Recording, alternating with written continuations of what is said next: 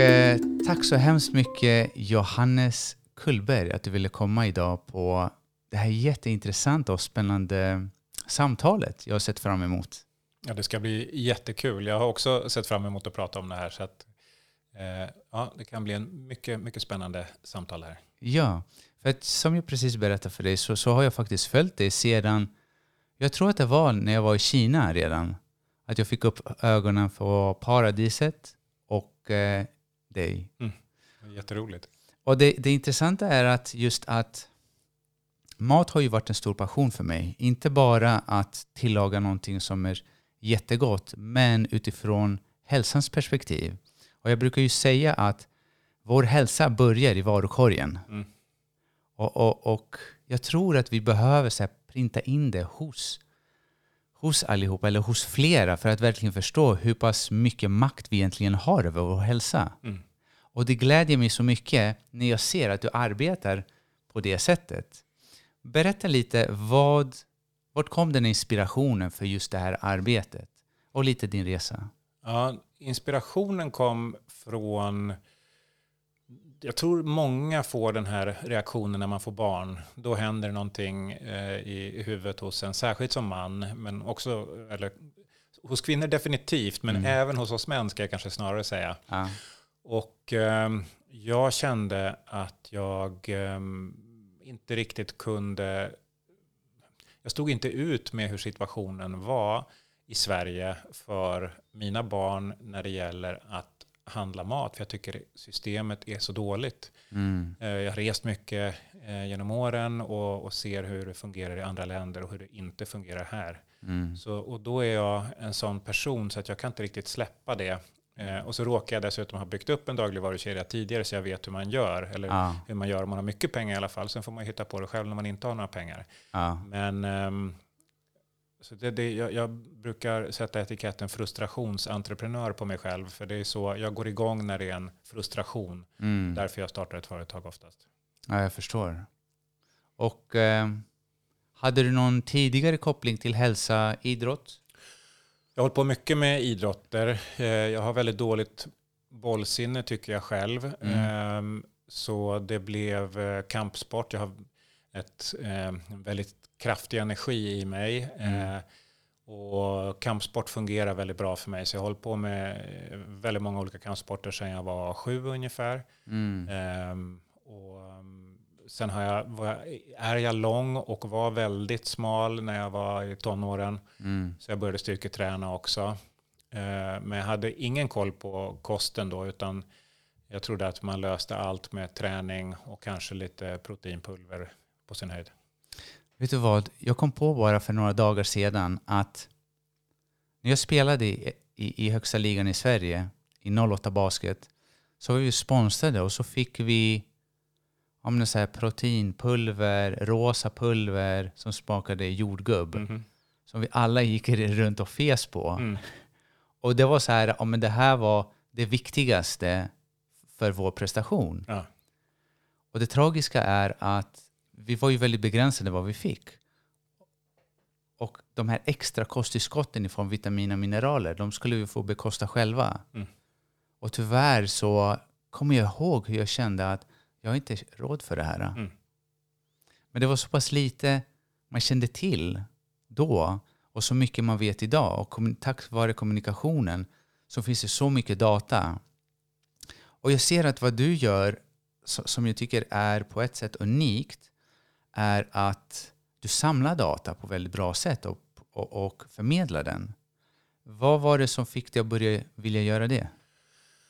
Det var, jag tycker det är väldigt kul att lösa problem. Det har jag alltid gjort. Ehm, och jag, tycker det, jag är väldigt, väldigt nyfiken. Mm. Och jag gillar att förmedla kunskap. Och rätt mycket av den kunskapen jag läser det är forskningsartiklar och sånt här. Mm. Och de är inte speciellt tillgängliga för särskilt många människor. Mm. Och då tycker jag det är otroligt spännande att se hur kan man få ut allt det här fina som står här men på ett sätt så att folk fattar. Mm. Och det var ju egentligen då när butikerna gick i konkurs i början av covid-pandemin för vi var extremt sårbara precis när det slog till. Mm. Och där i liksom eh, tomrummet efteråt så eh, gick jag och funderade på vad jag skulle hålla på med. Och eh, då tittade jag en del på sociala medier för man liksom samlar, kan hitta någonting spännande? Ja. Och så gick jag och blev återigen frustrerad på det här, men varför har vissa människor så otroligt mycket följare när jag tycker att de egentligen kanske har nonsensinnehåll? Ja. Och då blev jag frustrerad över det. Och så försökte jag då fundera, okej, okay, tyvärr är jag då inte liksom världens snyggaste så man kan få följare på det. Eh, men jag vet att jag är ganska bra på att skriva och jag har ett rackarns stort intresse för hälsa. Eh, så kanske jag skulle kunna göra någonting inom det. Ja. Så började jag liksom jobba på det och det tog av så det small om det. Så att, ja, det, var, det var så det gick tillväga där. Mm. Nu det intressanta är ju att man kan ju växa på ett sätt endast ifall det finns en efterfrågan. Och även i mitt område, den, den eh, informationen och visdomen och insikterna som jag delar med mig, jag känner ju av att det finns en efterfrågan, att nästan folk är törstiga efter den. Mm. Och jag känner att det är likadant hos dig. Och hur, hur upplever du det? Och i vilket område? Vart är, om vi säger så här kollektivt, vart är vi någonstans? Och vart försöker du styra om det här? Kollektivt är ganska svårt att säga eftersom jag upplever att det, finns, det är väldigt polariserat. Mm. Eh, det är en väldigt utbildningsbetonad liksom, betonad grupp. Som, alltså har man högre utbildning då har man oftast en, en eh, större intresse och för, liksom, också möjlighet kanske att och söka och ta till sig information. Mm. Eh, har man en, en, lägre utbildningsnivå kanske liksom inte har tiden eller möjligheten att, att uh, hålla på och lägga sin fritid på att leta information, men då är det svårare. Men generellt sett skulle jag säga så har vi, tycker jag, liksom på ett ganska fantastiskt sätt tappat kontakten med naturen. Mm. Uh, vi är människodjur brukar jag säga. Ja. Och, och det här är ju liksom nästan obegripligt hur svårt vi gör allting när det egentligen, egentligen är ganska enkelt. Och det är det som jag försöker att verkligen trycka på. Ja. Vi måste förstå var vi kommer ifrån, vad vi behöver för att må bra. Och, och i grund och botten så är det inte superkomplicerat. Mm. Jag känner igen det där eftersom det är många som kommer hit och frågar om en kosten. Och då på något sätt har de fått för sig att det är otroligt komplicerat, att vi ska hitta på en ny typ av diet där vi ska på något sätt, till och med viljan att identifiera sig med finns till och med där. Mm. Så jag, jag, ser till och med lite frustrationen och frågetecken när jag säger riktig mat. Ingen diet, bara riktig mat. Mm. Det Moder Jord har skapat för oss, det människan ätit i årtusenden. Vi måste börja där. Och helst enligt säsonger, närodlat, närproducerat. Får vi ihop det här så tror jag att kroppen börjar känna igen det som ges till den. Mm. Och, och, jag tolkar ju det att det går i linje med det du pratar om. Absolut. Ja. Och, och, det är lite roligt det du säger, för jag brukar förr i tiden när jag föreläste så brukade jag säga att maten är de nya jeansen, nu är det mer maten är den nya religionen. För att det, handlar, det är så starkt kopplat till sin identitet. Ja. Eh, och, och, jag förstår precis vad du säger med det här. Man, man, vill liksom nästan kunna sätta en etikett på sig själv för att tillhöra en viss grupp. Mm. Och, riktig mat, det är ingen trendig grupp, eh, utan det är bara liksom common sense. Mm. Eh, men det är, är man vegan, ja men då har man ett väldigt tydligt community. Mm. Är man carnivore eller keto eller Mm. vad man nu väljer för, för Mm. namn på grejerna. Så, så um, den, den känner jag absolut igen. Och, men jag tror att jag förstår varför de finns. Mm. Men jag tror att de skapar oerhört mycket onödiga problem. Och, ehm, en, av- en av grundorsakerna tror jag att du tjänar inte pengar på att jobba med riktig mat på det sättet. Det, det finns inte så mycket sexiga stories och Nej, nya rön och Ja. saker att göra för eh, livsmedelsproducenter, för media och, och så vidare. Mm. Så det finns mycket pengar på att vi håller oss ehm, lite eh, i olika fack med ständigt pågående krig om vad som är rätt eller fel. Och testar du bara den här grejen så Exakt. kommer det att funka. Exakt, och jag håller med om. Och jag tror faktiskt den här polariseringen är ytterligare ett sätt att manifestera en djupare pol- polarisering som egentligen finns inom oss. Och därav också önskan att hålla sig i en form av identitet kring för att tillhöra. Vi vill ju tillhöra. Men vi gör det oftast till, tyvärr utav rädsla kanske att, att jag inte är någon så länge jag inte tillhör. Mm. Men i det här fallet så, så handlar det inte om att kosten, vi nästan vi, vi går emot naturen när vi identifierar oss på det viset för att vi känner inte av, min upplevelse i alla fall, att vi känner inte av vad kroppen egentligen säger att den mår bäst av genom att hålla fast i en identitet. Och det kan jag säga med handen på hjärtat att jag råkade ut för det här. För att innan jag åkte till Kina så var jag vegan i sju år. Och min hälsa tyvärr gick åt skogen under den perioden. Jag kan inte säga att det var på grund av att jag var vegan, men jag tror att den bidrog just då eftersom i samband med mitt nervsystem var i ständigt fight or flight och att jag hade fått en borreliainfektion så behövde jag mer kalorier och jag behövde just utifrån ett kinesiskt medicinskt perspektiv det som animaliska har och det som växtbaserat har väldigt lite. Och det är den här eh, koncentrationen av yang-energi och qi som finns i just det. Något som jag brukar förespråka till de flesta, de som jag inte riktigt undersökt, men säger under vinterhalvåret lite mer animaliskt, under sommarhalvåret lite mer växtbaserat. På det sättet. Och det är lite hur kinesisk medicin ser på det hela. Mm. Så, men efter den här sju, de här sju åren jag var vegan så, så var det faktiskt en professor som sa till mig att Nej, men du behöver börja äta animaliskt. Mm. Och jag, mitt ego ska jag säga, mitt ego visste varenda argument till varför inte. Men jag, hade, när jag inte riktigt hade förstått den djupare aspekten, den energiska aspekten utav mat som kinesisk medicin känner till, yin och yang, qi och blod. Helt plötsligt då förstod jag varför jag var tvungen att börja äta lamm. Mm. Och just lamm. Inte något annat, men lamm. Och efter att jag började äta lamm så kände jag också hur mycket min kropp faktiskt började crava efter lamm. Mm. Och det mest intressanta är att det pågick fram tills i sommar. Mm. Det jag fick, eh, det var egentligen efter eh, semestern men också precis innan så hade jag en väldigt, i en väldigt djup meditation kom jag till några djupa insikter i vad jag bar på för trauman. Mm. Och när det släppte, helt plötsligt kunde jag faktiskt släppa lamm. För jag var nästan beroende av att äta lamm faktiskt fyra gånger per dag Oj. för att jag ska kunna ha ett stabilt blodsocker. Annars gick det åt skogen. Så min resa har jag fått så pass Men du menar att du kunde inte, du var inte sugen, sugen på annat kött, annat animaliskt protein än just lamm. Eh, för jag menar, blodsockerpåverkan hade ju inte skilt mellan lamm eller eh, en oxfilé om vi säger det. Liksom. Mm. Jag kan säga så här. äh.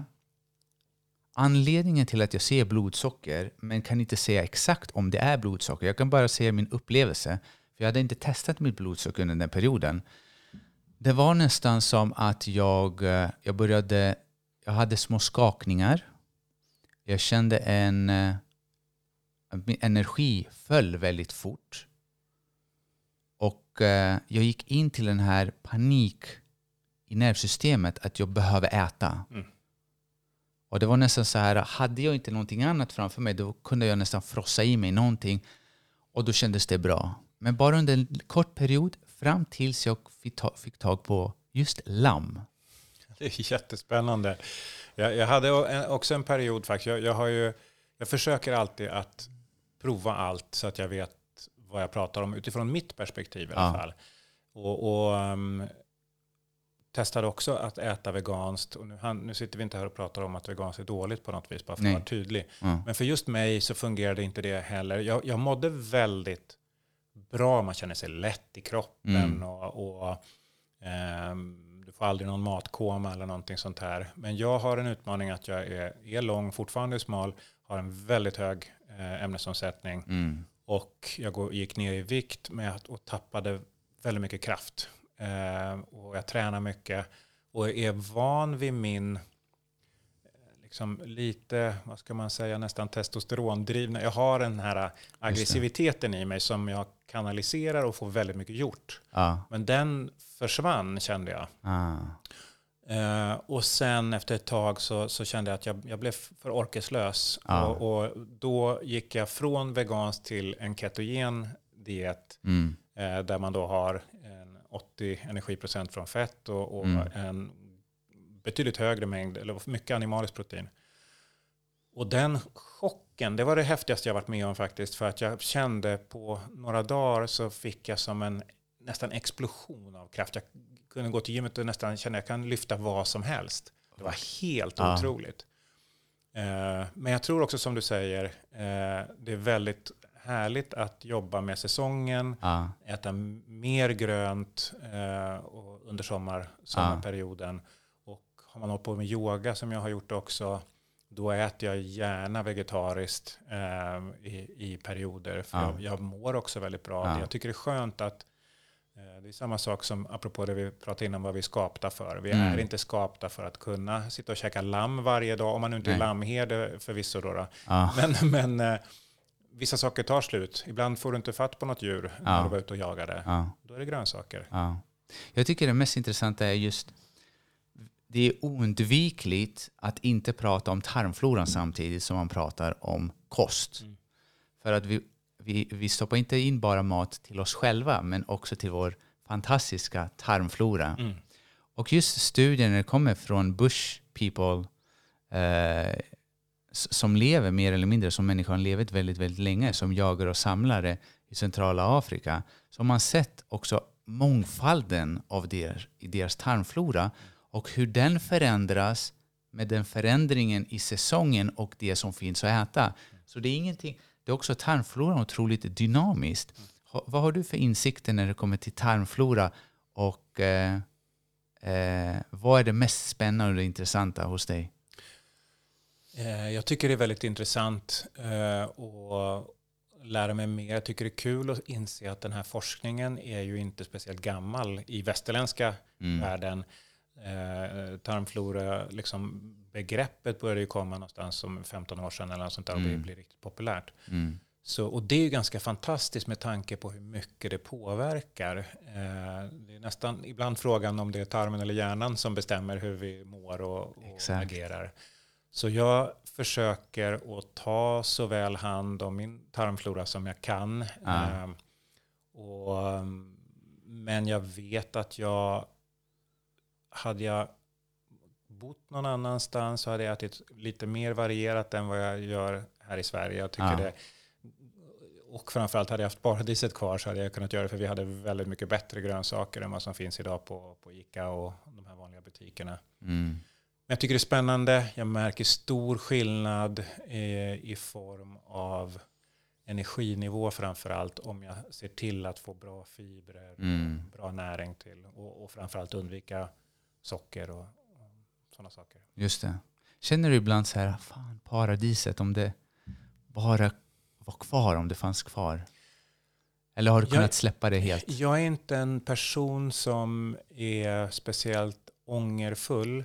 Jag blev ju, det kostade mig allt jag ägde och hade i form av kapital. Jag blev av med Ja. väldigt, väldigt mycket pengar. Det gör ju ont fortfarande. Det lider Mm. jag fortfarande. Ehm, så det tänker jag ju på. Såklart, det var ju rackarns synd att jag eh, liksom... Ibland kan jag tänka, hade jag inte gjort om det om jag hade vetat hur mycket det hade kostat mig Mm. men samtidigt så tror jag väldigt mycket på att man lär sig så mycket för livet av de här eh, erfarenheterna. För jag kan inte kalla det för ett misstag. Vi gjorde väldigt mycket bra. Eh, vi gjorde en enorm satsning som väldigt få skulle vågat ens försöka. Eh, men det har kostat på. Men, Mm. men eh, jag tror det är samma sak som att om man tar någon helt annan liknelse, men att till exempel satsa allt på att bli munk. Ja. Eh, Det är en enorm satsning och man kanske sen inte pallade att göra det resten av livet. Men man kommer alltid ha det med sig och göra en till en rikare person Ja. eh, oavsett vad som händer sen. hur pass mycket, för nu pratar du om satsning, Mm. och när jag ser det här och även den frustrationen, vi säger som du, titt, du, gick in i matbutiken och så såg du allt skräp som fanns, du hade dina barn och du kände det, ja men det här måste jag göra. Mm. Fanns det någonstans på den vägen eh, ett alternativ att inte göra det? Eller var det nästan så här, Jag blir ganska besatt. ja, Det, det är väldigt svårt för mig. Om jag får en sån idé på huvudet, ja, i, på hjärnan, då är det oerhört svårt för mig att stoppa. Ja, Ehm, utan då går jag ju in i problemlösningsförmåga. Jag, jag, jag visste redan då, jag sa redan då att det här är ett kamikazeprojekt. ja, Men vad kan jag göra för att eh, undvika att det ska fejla helt enkelt? Mm. Och så tänker jag ut ett gäng strategier och sen försöker jag jobba på det. Och, och stora delar gick bra, men du har så enormt små marginaler i den världen ja, om du inte har en väldigt stor kassakista. Så eh, eftersom varje butik kostar ungefär 30 miljoner bara att starta och sen så kostar ett antal miljoner de första åren Ja, så är det mycket, mycket kapital involverat. Och eh, sen är det så att det är en väldigt ojämn spelplats. De stora aktörerna får alla fördelar. mm, Så att bryta sig in på ett, en oligopolmarknad som Sverige är enormt tufft. ja, jag förstår. Så det mest intressanta hos mig det är just det här. Äh, jag, jag har funderat kring och, och vänt och vridit på det här konceptet av hur pass mycket av frivilliga har vi? Inte i form av att jag går in till butiken och ska köpa en, en gul paprika eller en röd. Men just det här att när jag kommer till en plats i livet och jag ser det här problemet. Ja, jag är väl tvungen att göra det här nu. Och det är inte så här, det är inte något tungt, men det är, så här, det är en känsla av att jag behöver göra det här. Och eh, jag, kan, jag kan känna igen mig i det här. Just med min verksamhet och de delarna som har blommat upp. För det var inte någonting som jag hade förbestämt eller tänkt att det här kommer jag ha eller så där kommer jag göra. Det har bara kommit med resans gång. Och det är väl det de kallar för the unfolding of life. Mm. Och just nu så befinner du dig mer på en digital plattform. Absolut. Och det, alltså lärdomarna, återigen, jag är så enormt tacksam Ja. för vad som har hänt efteråt. Om man väljer att ta det här, min pappa skrev en bok en gång i tiden som heter Kris och utveckling. Och det, Mm. det är så jag väljer att se på det. Det var en kris, men jag väljer att utvecklas istället för att gräma mig över det. Ja, Och vad har hänt? Jo, jag har lärt mig kraften i sociala medier, att förmedla kunskap. Jag har, eh, på grund av att jag drog igång det, så certifierade jag mig till eh, kost och hälsocoach. Bara Tack egentligen. vare? På, på grund av sociala medierna. För jag, jag fick, i, efter ett tag fick jag mycket frågor så här. Ja. Ja. men, eh, vad har du för utbildning då? ja just det. Och då kan jag inte säga att jag läser sjukt mycket litteratur och forskning och så vidare. Det, Ja. det håller inte. Så Nej. då var jag tvungen att, att tvungen inom citattecken. Just det. Men det var en perfekt anledning för att utbilda mig, vilket Ja. jag gjorde. Eh, och tack vare det så har jag sen startat min hälsocoaching-business där jag har över 100 klienter som jag hjälper dagligen. Jättefint. Så att, ja, unfolding of Ja, life. exakt. Och det var kanske meningen att du skulle göra den resan för att hamna just på den här platsen. Absolut. Nu sitter jag här och pratar med dig. Det hade jag aldrig Ja. gjort i så fall. Nej. Ja, man vet inte. Men eh, jag tror, i alla fall jag blev glad att det har blivit som det har blivit. Mm. För det var nästan meningen. Jag kan bara relatera till, jag läste först till naprapat. Och sedan, när jag kom till den här insikten att egentligen så vill jag kunna hjälpa människor invärtes också. Och då var det så här, vilken medicinsk modell? Västerländsk medicin. Sen var det kinesisk medicin hade jag varit eh, bekant med sen jag var liten. För jag hade själv många allergier när jag var liten. Och då var det så här, just det som du lite berättar om. Så här, ja, det blev så övermäktigt i mitt liv att det, jag måste bara över dit till Kina och uppleva det och, och se och lära mig. Men det var inte just här, att göra karriär av det. Men det var ett stort behov Mm. av just eh, ta till sig du vet, den delen av livet. Trots att man kommer från en helt annan bakgrund. Jag vill veta lite, hur jobbar du med dina klienter idag? Och på vilket sätt, vilken typ av modell upplever du funkar bäst? Ja, vi, vi jobbar digitalt, helt digitalt med våra Mm. klienter. Och vi, det är jag och vi är, eh, det är två andra coacher som vi jobbar tillsammans. Men ehm, där vi har en... ehm, jag spelar in en hel del utbildningsmaterial Mm. som de får via video och vi skriver också kompendier och texter och sånt där. Mm. Ehm, och sen har vi en eh, dialog. Vi, tar, vi får reda på hur de mår, vad, vad är bra, vad är dåligt. Mm. Och sen jobbar vi med att ta fram helt individuella kostplaner. Allt baserat på, på riktig mat. Mm.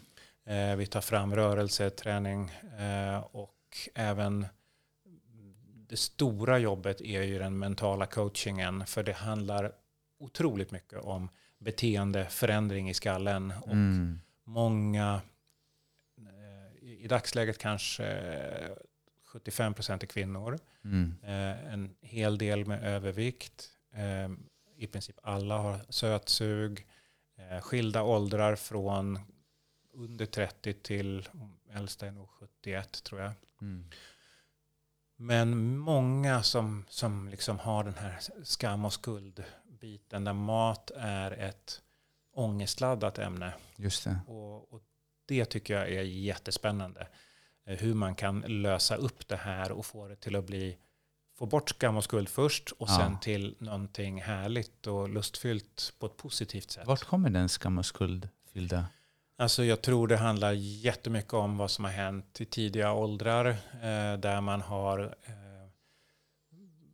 känt sig att man inte har passat in. Man har eh, fått någon kommentar vid fel tillfälle till att börja med där, där man har kanske varit lite överviktig eller någonting sånt. Eller man har försökt att gå ner i vikt och misslyckats. Eh, så det, är mycket de här tidiga misslyckandena som ligger kvar. Eh, Mm. Och så har man haft fel strategier, lyssnat på kvällstidningsversionerna av hur så går du ner i vikt eller tittat på Biggest Loser eller något annat skitprogram. Ja. Och det är klart man failar. Det, det är jättesvårt om man inte vet hur man ska göra. Vad upplever du den största utmaningen som alla de här, eh, som mycket möjligt många av lyssnarna också har? Den största utmaningen skulle jag säga är att man tror att man eh, måste skära ner på mängden mat så mycket eh, som möjligt för att gå ner snabbt i vikt. Det är den klassiska eh, liksom bantningsmetoden. Eh, och det som händer då är att du drar ner din ämnesomsättning. Kro- Kroppen går in i, i svält eh, och drar ner din ämnesomsättning. Och så märker du att du själv då att ja, men jag kommer inte ner i vikt, ja, men då börjar du äta normalt igen, men då är din ämnesomsättning redan sänkt. Så då kommer du gå upp i vikt Ja. och så åker du på den här jojo-effekten. Ja. Så att, att all, man går ner för snabbt i kalorimängd och sen så vet man inte hur man ska komponera sin måltid. Att äta mer protein så man håller sig mätt. Mm. Eh, Så den vanligaste reaktionen vi får är ju, men får jag äta så här mycket mat? Eh, och det är ganska fantastiskt. Ja. Så du ska inte behöva gå runt och vara hungrig. Du kan gå ner i vikt alldeles utmärkt ja. eh, om du får måltiden rätt komponerad åt dig. Just det. Och du kan äta god mat. Ja. Och är det många, gånger, många som kommer just med fokus vikt eller också så här, jag vill bara vara frisk och stark och funktion, jag vill ha funktionen? Ja, det är lite kul. Vi, när vi gick runt här innan så visade du mig eh, angående IBS är den här fantastiska kinesiska örterna som du har satt Ja. ihop. Magproblem är ju enormt vanliga. Ah, Okej. Eh, väldigt mycket magproblem. Mm. Och eh, vi har ju en kost som vi förespråkar som är, om man ska sätta etikett på det så blir det ju paleo, alltså det är ju ursprungskost. Så vi har Mm. eh, ingen, ingen eh, gluten, vi har ingen mjölkprotein eh, och ehm, egentligen egentligen inga, inga spannmål i, i, i kosten. Mm. Ehm, och vi har inga light-produkter eller någonting sånt här. Mm. Ehm, och det går ganska snabbt eh, att få bort, eh, för många, alltså att få Mm. bort de värsta magproblemen bara genom att, att ställa om eh, kosten. Just Sen det. är det då grupper som har mer avancerade saker som, som kräver andra insatser. Ja. Är, är den kosten, den paleon, är den typ, hamnar man i ketos till slut? Nej, det Nej. behöver man inte göra. Eh, Då, då, då är det ju mer om man äter en ketogen kost där Ja. du har så hög andel, 80 energiprocent fett då, som är Ja. riktlinjen för ketos, eller keto, ketogen kost. Ja. Eh, nej, vi håller inte på med ketos överhuvudtaget. Jag själv liksom, jag kan tycka att det kan vara rätt skönt att vara i det ibland. Ja. Du kommer in om du fastar, en längre fasta, dag tre ungefär brukar du hamna i ketos. Mm. Och det innebär att kroppen då börjar använda fett som energikälla istället för glukos. Så det är bara för de som inte vet. Eh, Men vi gör, för att du ska hamna där så behöver du då ha väldigt lågt kolhydratintag, i princip ingenting. Just det. Men det jobb- jobbar vi inte med. Vi har en, en mindre mängd, men, men eh, fortfarande inte till, det, det är för mycket för att du ska hamna i ketos. Mm, jag förstår. Min upplevelse ibland är eh, när patienter kommer hit, de är så förvirrade. Och jag, jag klandrar inte dem, för det är en djungel, de vet inte vad de ska göra. Men också att på något sätt i deras frustration så pillar de för mycket och de är tyvärr till slut blir också väldigt självupptagna undermedvetet, alltså per automatik eftersom de kanske inte har fått den hjälp de behöver och så känner de det här måste jag lösa själv. Och i det så blir det tyvärr en, en negativ spiral. Så att skapa förutsättningarna för att kroppen ska läka sig själv och fungera som den ska, men också den här distansen. Och då undrar jag, du pratade om mental hälsa.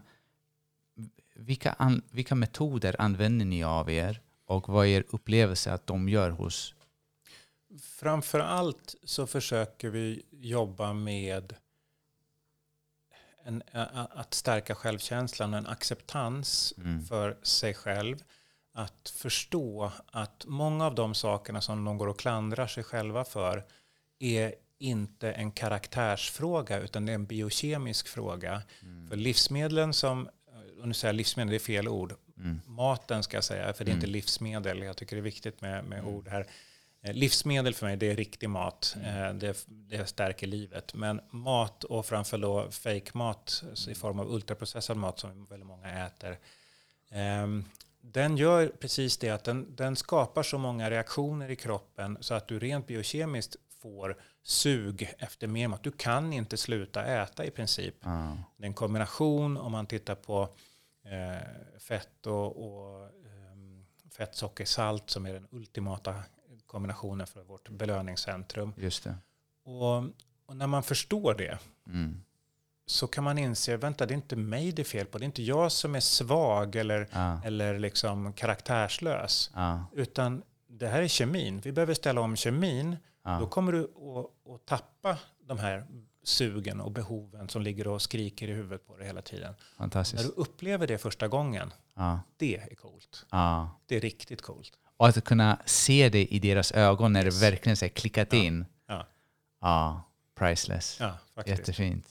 Så det, ju mer jag jobbar med klienterna, jag känner ju att jag lär mig ju varje gång, varje interaktion lär jag mig mycket av.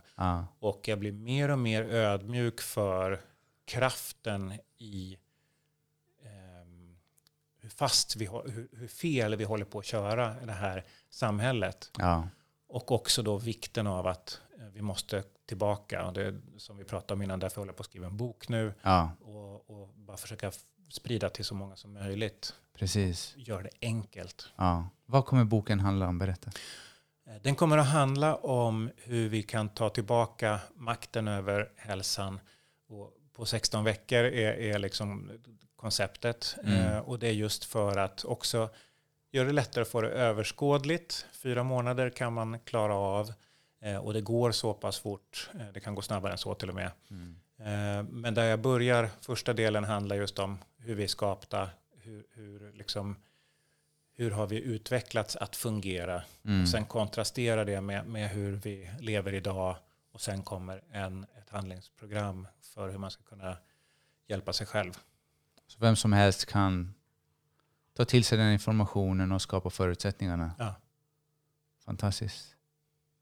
Vad särskiljer tycker du det programmet som du gör med många andra?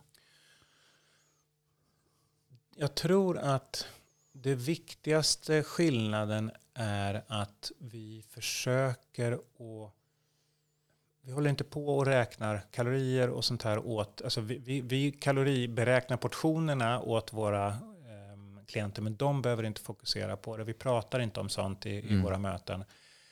Um, och framför allt så handlar det om att de ska få verktygen att kunna göra, leva själva sen.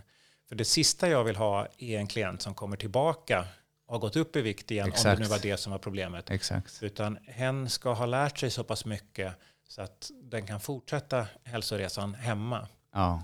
Och, det är väldigt viktigt. Det är ganska dålig business för att jag, jag liksom skulle tjäna mer pengar på om de kom tillbaka. Ja. Det, är inte, det är inte därför jag jobbar. Nej. Det jag, jag brukar säga att jag är glad att du är här när de kommer hit, men jag vill inte ha dig här. Nej. Jag säger jag kommer inte ha dig här en dag mer än vad jag behöver. Nej. Och just det här, egentligen lä ordet doktor betyder på latin, det betyder han som visar vägen. Mm.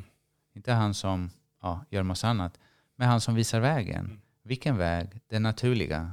Den som människan har egentligen levt efter. Trots att det finns mångfald av människor över olika delar av kontinenter och levt väldigt olika.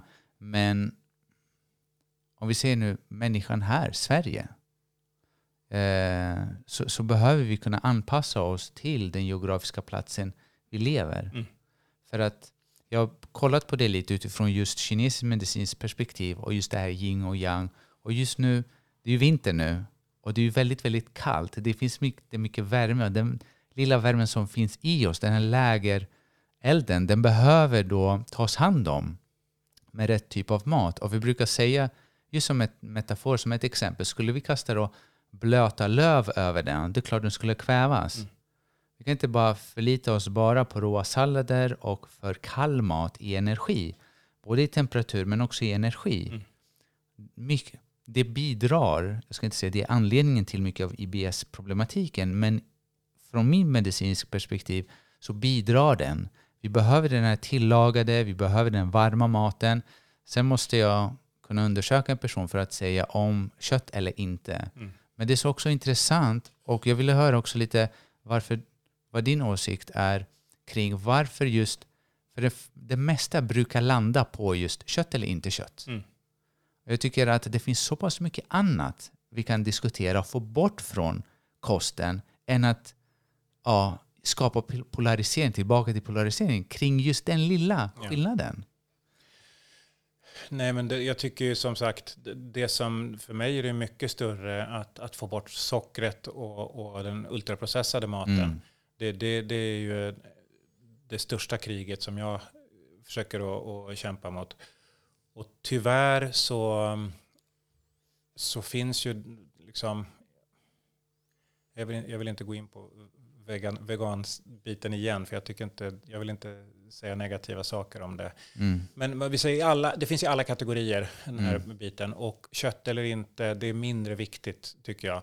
Det finns de som mår, men vi har hela liksom, länder som mår alldeles utmärkt på vegetarisk kost. Mm.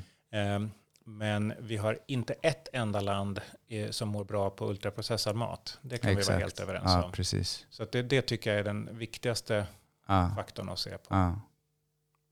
Just jag har också kämpat väldigt mycket just med vegansk eller inte vegansk kost. Och eh, min upplevelse i början var det här att jag hamnade den första perioden från att äta väldigt mycket animaliskt hamnade jag i någonting som jag lärde mig kallas för en honeymoon face. Mm. Där det var för mycket för att sedan kroppen kunde slappna av. Men sedan var jag just i den här fasen för länge och just för mig så passade det inte. Mm. Eh, sen fick jag, förstod jag också mycket av studierna som eh, gjordes just baserat på kött eller inte kött har gjorts närmare ekvatorn. Mm. Mycket i Kalifornien, mycket i Florida, runt de områdena. De människorna redan får väldigt mycket av yang-energin, värmen från solen och miljön, att de inte är lika stort behov av att äta animaliskt. Men när vi ser vinter och i Sverige, då är det, jag brukar generellt säga, mer animaliskt. Medan vinter, äh, sommaren så kan vi klara oss. Men har du stött på några som du känner att nej det här passar inte dig, just den här modellen. Eller kör ni en one size fits all när det kommer till? För våra klienter? Ja. Nej, vi kör inte one size fits all. Eh, eftersom vi inte följer någon diet. Mm. Så att, däremot så då jobbar vi ju väldigt olika med vad det är för kost de får. Mm.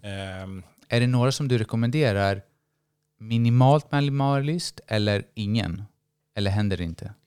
Nej, det finns, vi, vi, vi tar faktiskt inte emot veganer i, i, idag. För vi, har inte kapa, vi har inte möjlighet att göra det eftersom vi inte kan uppfylla deras um, kostbehov med naturliga livsmedel. Mm. Så det, det låter helt sjukt när man säger det. Mm. Men, men det, det klarar vi faktiskt inte av. Har ni Ehm, provat? Det går inte eh, utifrån, eh, eller nej fel, det var dumt att säga. Det, det är klart det går eh, om man, om man kanske väljer att göra, lägga all sin kraft på det. Ja. Men vi Vad är det som fattas? Är det, är det proteinet, fettet? proteinet framför allt. Proteinet, Ja. okej. Så det, det går absolut. Men det blir väldigt mycket sojaprodukter ehm, och, om vi ska få, få till det. Och om vi tar bort soja eftersom det mesta är GMO, Ja. vad hamnar vi på då? Ja, alltså låga nivåer. Väldigt, Ja. väldigt låga nivåer. Och det är det som är utmaningen. Eh, eftersom jag själv inte är vegan, Mm. eh, eftersom jag inte har riktigt tror på att det är ett hälsosamt spår, då blir det också svårt att vara en För ingen? advocate. Jag tror att det är jag tror att det kan vara absolut hälsosamt att, vara att ha ett vegetarisk eh, kost. Mm. Ehm, jag tror att det är svårt i Sverige att vara vegan eh, och ha optimala hälsovärden under, en läng- alltså under hela livet. Okej, ja. Periodvis? Periodvis tror jag absolut det kan fungera. Och, och det, det, tycker inte om att sitta och prata om, om det här egentligen för Ja. att jag vet att många mår väldigt bra av det under, under perioden men jag ser också att väldigt många får och då pratar vi alltså när man har gjort det här 10 år, 20 år framförallt kvinnor i, när man kommer i klimakteriet kanske något sånt här Mm. där man börjar få rätt så stora problem. Mm. Så att men jag tycker det är viktigt att alla, alla ska få äta som de vill. Och mår, Mm. mår man bra av det också på riktigt, inte bara som man säger att man känner. För det, det finns ju också mycket psykologi i det här. Du, Mm. Ja. Du har, jag kände att jag mådde jättebra av det tills min kraft sen försvann. Ja, Och jag kände mig äcklad av att äta kött när jag inte hade gjort det på länge. ja. Eh, Men när jag pratar om att veta om man mår bra, då pratar jag blodvärden. Jag pratar att man på riktigt tar koll på sin hälsa. Vad har jag för fettsyrabalans? Vad har jag för, liksom, hur står det till i kroppen? Det kan Mm. man inte känna, Mm. eh, utan då måste man mäta. Mm. Och vilka, mä- vad är det, vilka mätmetoder man kan använda sig av för att kolla? Jag menar, alltså, du kan ju göra en, en, en stor, stor hälsokontroll och bara gå igenom alla, Ja. alla parametrar och se om du har en, en balans i kroppen eller inte. Det, är ganska, det går ganska snabbt. Mm. Så um, det tycker jag att man ska, man ska göra om man känner sig osäker på, på hur det står till i kroppen. Mm. Men återigen, jag tycker vi lämnar veganspåret nu för att jag vill inte liksom svartmåla dem. Jag, jag, jag tycker det finns så mycket respekt också för Ja. att man ehm, har en, kanske etiska värderingar som Ja. jag tycker är jätteviktiga. Ja. Så det, det känner jag. Jag, också, jag tycker det är väldigt intressant just med, med det här. äh, För att äh, jag, jag kan säga, jag identifierar mig själv inte som något. Som jag sa, en period, och jag har lärt mig min läxa.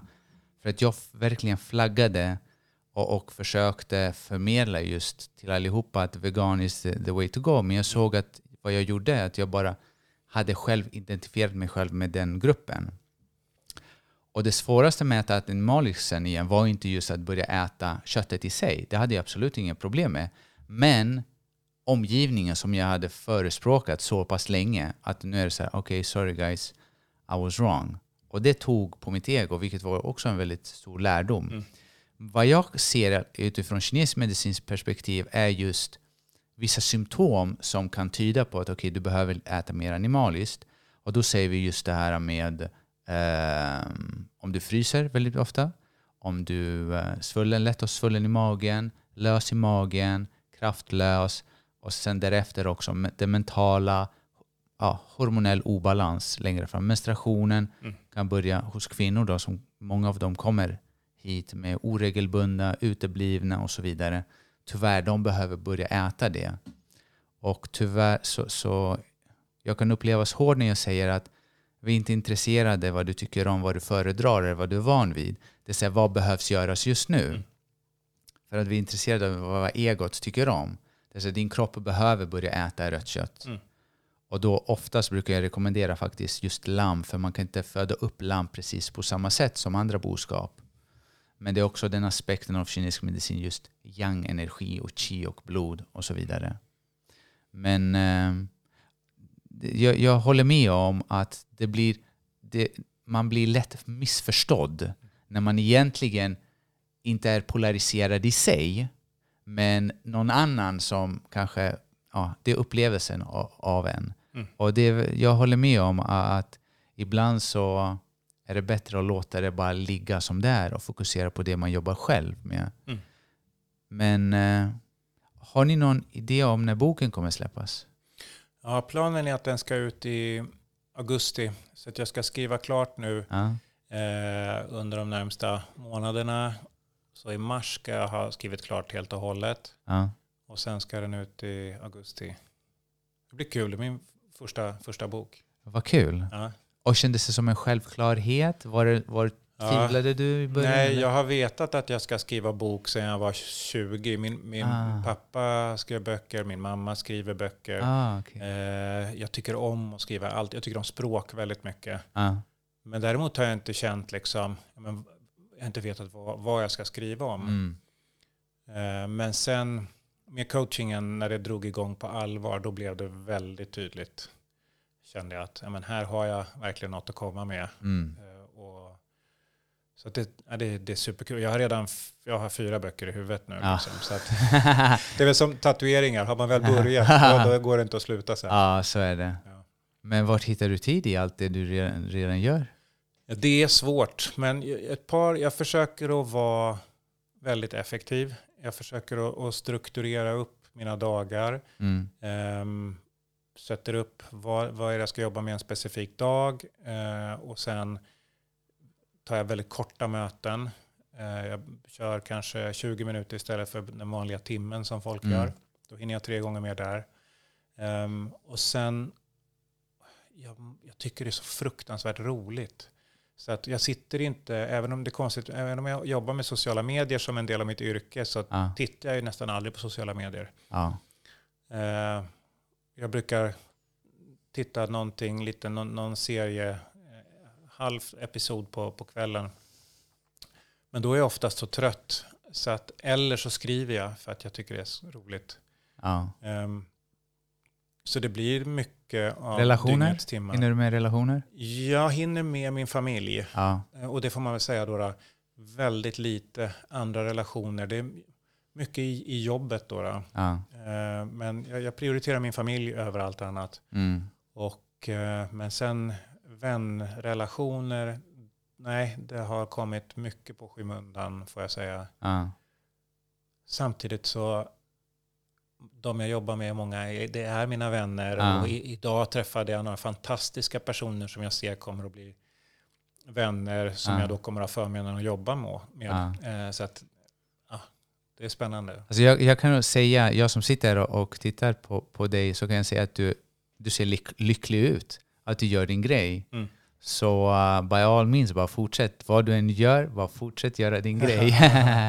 Det verkar funka, du verkar Ja. hj- hjälpa många, du har jättefin respons. Du ehm, utmanar gamla. Jag, jag, jag ser dem så här, gamla vita gubbar som säger hur saker och ting är. Mm. Jag säger, men vänta lite. Det här står det lite annorlunda. Men inte bara det, men vi har ju provat och vi har fått de här resultaten. Mm. Så hur förhåller ni till det?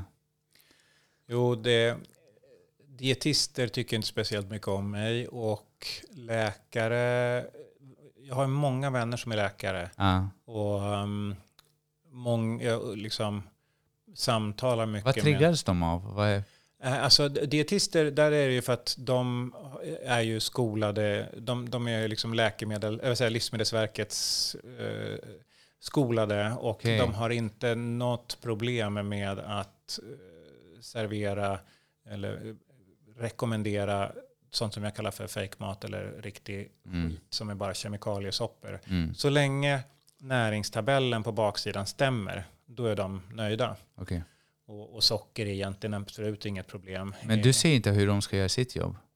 Jag säger inte hur de ska göra sitt jobb. Nej. Förutom en gång när jag eh, blev vansinnig när min pappa som hade cancer Ja. och jag öppnade hans kylskåp och det var fullt med sån här eh, någon sorts energilösning som i princip var juice, sockrad juice med, med kemikalier i. Ja. Och, um, och han som ändå är läkare själv, och ty- tyvärr har ju läkare väldigt dålig nutritionskunskap. De läser Ja. ju 12-13 timmar på, på alla år. Mm. De, de är de som kanske kan minst faktiskt om nutrition, vilket är skrämmande med tanke på hur, ehm, hur viktigt det är Mm. för att kunna läka. Ja. Så ehm, han tyckte det smakade gott och det var inte konstigt, det var ju bara, det var ju bara sött. Ehm, men då gick jag ut på, på Instagram och skrev om det där och det, det landade mitt i dietist själen. Jag skrev det kanske lite väl hårt för jag var arg och besviken. Men eh, sen dess var det ett antal som försökte följa och sabotera och skriva taskiga saker hela tiden. Ja. Jag bryr mig inte så mycket. Jag läser faktiskt inte de flesta kommentarerna. Så, Ja. Utan jag skriver för min egen skull. Så. Och läkarna, vad triggas de av? Nej, de, där är det inte så mycket som triggas av, av ehm, vad jag säger kanske. Men det är mer så som jag säger att de behöver vi få över på rätt sida. Det är för mycket one ill, one pill som jag brukar säga. Just det är det. bara hela tiden lö- lösa. De, de, de är i princip farmaceuter som skriver ut läkemedel. Ja. Och istället för att jobba med grundorsaken. Mm. Nu finns det ju funktionsmedicinen som är en helt annan skola. Mm. Och Hur ser du på det? tycker det är fantastiskt. Jag tycker Ja. de gör ett jättebra jobb. Jag tycker det är bara skam att, de inte, att man inte ska kunna få det på statliga medel, att man måste betala allt själv. Ja, jag håller med. Det är jättefint. Hur pass mycket är eh, hur mycket, hur mycket kunskap och insikt har du kring kinesisk medicin? Ehm, jag skulle säga att kunskap ganska lite. Eh, jag är intresserad, jag har läst på en del, men så det beror på vad man jämför med. Jag började med qigong för väldigt länge sedan, Okej. när jag var 21, 22. Ja, Fick fantastiska resultat. Ehm, jag har läst en hel del om ehm, hur eh, livsmedel används i kinesisk medicin. Ja, Det finns en amerikansk läkare som också skolade sig som du i, i Kina. ja, Så att, ehm, jag tycker det är jättespännande. ja. De är ljusår för oss eh, Ja. när det gäller den här. Eh, så att jag, jag hoppas ju att vi ska kunna liksom, närma oss den österländska kunskapen kring liksom, mat som medicin. För det, det var ju faktiskt en det var, eh, grek, eh, Hippokrates, eh, läkekonstens fader som man säger, då, Exakt. då, som myntade låt maten vara din medicin och medicin Ja. vara din mat. Och med dig som, som grek då, eller halvgrek så Jag känns det som... där på en staty. Ja, jag tittar där, jag ser. Ja, på mitt lilla altare. Ja, vad härligt. Ja, Ja. Det är också en av mina husgudar. Ja, Men det är, lite, det är lite lustigt att han var läkekonstens fader och, och liksom, man har helt tappat kopplingen ja, i västerländska medicinen. ja. Så att det är dags att komma tillbaka full Vet, circle. du- vet du från vilken ö han var från? Nej. Från Kos. Aha. Ja. Han var från Kos och han hade upptäckt, jag tror det var om jag inte minns fel, 167 olika läkande örter Mm. just bara på den lilla ön. Mm. Så, så, som bara visar på hur pass många tusentals olika lä läkande örter det finns. Mm. För att, eh, jag, som jag berättade för, eh, för dig lite tidigare innan vi började, är att min, min major just i min utbildning var just örter, örtlära. Och eh, det var jag mest, är mest fascinerad över, det är just hur vi kan ta del av de här växternas immunsystem. Ja. Ja. Alltså det där, just nu håller jag på mycket med svampar. Ja. Eh, så att eh, jag tar själv eh, reishi eh, och jag försöker isolera. Sen nästa är Lions Mane som jag ska köra. Fint. Ja, och sen är chaga. Och sen Ja. så går jag på cordyceps. Så, så att jag tar Big Six, liksom de här Jättefint. stora. Och jag har pratat om det på sociala medier också, men, men reishi, alltså om man har hög potent, det finns ju växande här i, i norra delen av Sverige och Finland, otroligt fina Mm. eh, svampar. Men den, jag fick en så positiv effekt av det, där den plockade liksom verkligen ner negativ stress och jag behöll den positiva. Ja, Så jag gick runt liksom som en jetmotor och Ja. med ett leende inombords. Liksom. ja, Fantastiskt. Den används... Eh, du vet de här svamparna ha- har... Ling Chi eller något sånt där heter det på kinesiska. Lingzi. Ja, lingzi, Ja, jag kan inte uttala det. Så Så den har varit med i årtusenden. Och de man, först man använder dem främst till, till the royalties Mm. eftersom den har så kraftfull potential. Mm. Och det är verkligen naturens gåvor. Ja. Ja, att vi ens kan ta upp de här näringsämnena och, och använda oss av dem. Mm. Och mycket av dem, fortfarande försö- forskningen fortfarande framåt och försöker förstå sig på hur exakt allt det här fungerar. Men vi pratar om bara nu en eller några svampar. Mm. Tänk dig att någon kanske får 12, 15, 17, 20 olika örter i ett örtrecept Mm. som förskrivs en, enbart just till den patienten. Och det kan, vara, det kan vara svampar, det kan vara rötter, bark, kvistar och så vidare. Men kinesisk medicin är verkligen patientcentrerad Mm. medicin. När det kommer till örtläran men också när det kommer till akupunkturen. Mm. Men också när det kommer till kosten, det är också väldigt specifikt. Ja. Nej, nej, så pass mycket koll har jag och Ja, jag tycker det är Fint. otroligt spännande. Så att Mm. Ibland önskar man att man hade minst 24 timmar till på, på dygnet. eh, för det är liksom, det finns så mycket att lära. Ja. Och, eh, så därför tycker jag också sådana här möten är fantastiskt spännande. Och har du tips på bra liksom, introböcker man kan läsa så är bara att säga till. För det tycker jag det är, det är nog något jag måste ta tag i. Ja, det är bara att välja. Ja, det finns lite böcker här. Ja. Ja, exakt. Min bokhylla. Mm. Nej, men det finns jättemånga fina böcker. Eh, dels när det kommer till, till örtlära, men också hela filosofin bakom det. Yin och yang, qi och blod, de fem eh, elementen och så vidare. Jag känner ju väldigt mycket för, jag är enäggstvilling, apropå yin och yang. Mm. Och det är oerhört spännande hur enormt tydlig skillnad det är mellan mig och min bror. Mm. Eh, där vi har liksom fått kvinnliga och respektive manliga egenskaper i vårt sätt att tänka Mm. till, till vissa delar. Ja. Eh, och så delar vi vissa grejer. Men, men det är otroligt häftigt verkligen. Ja. Så att jag är helt Ja, det, det är fint det. att du, du nämner just det. Just för du tidigare nämnde just att hur du är som karaktär och hur du är som komposition uppbyggnad. Och det är det jag försöker också ibland förmedla till mina patienter och följare är att vi är alla uppbyggda av en unik komposition av yin och yang, det feminina och det maskulina. Och, och jag tror att in, när varje individ börjar vakna upp till och förstå sig på sin egna komposition så kommer man också förstå sig på varför man kanske mm, blir lätt stressad, varför man behöver mera återhämtning eller varför man har svårt att sova eller oavsett vad det nu än är. För vi, vi är ju så pass mycket mer än bara där kött och blod Mm. och ben. Mm. Men eh, det är en annan dimension och det är kanske ett annat, ett annat annat avsnitt, avsnitt. Ja. Ja, exakt. Men eh, jag vill bara tacka dig enormt mycket att eh, du tog dig hela vägen hit till Solna, till min klinik för att spela in det här och jag ser fram emot också din bok som kommer. När sa vi att den kom? Augusti. Augusti, jättefint. Eh, berätta lite, vart kan folk nå dig? Eh, De kan hitta mig på Instagram på Johannes Kullberg, Kullberg med C. Eh, De kan läsa på johanneskullberg.com. Jag har valt att göra det enkelt. Fint. Ja, Eh, Och ehm, ja, det är väl de mest effektiva ställena. Där hittar man det mesta. jättefint. Ja. Jättebra. Och jag rekommenderar faktiskt, jag, jag följer Johannes och jag, jag tycker om dina korta, informationsrika, destillerade eh, små gåvor som du delar med dig. Vad fint. Ja. Tusen tack Diamantis för att jag fick komma hit. Underbart kul. Och jag vill fortsätta prata sen så att Ja, vi kör fint. fler avsnitt. Ja, ta hand om dig. Samma. Ja. Hej då allihopa.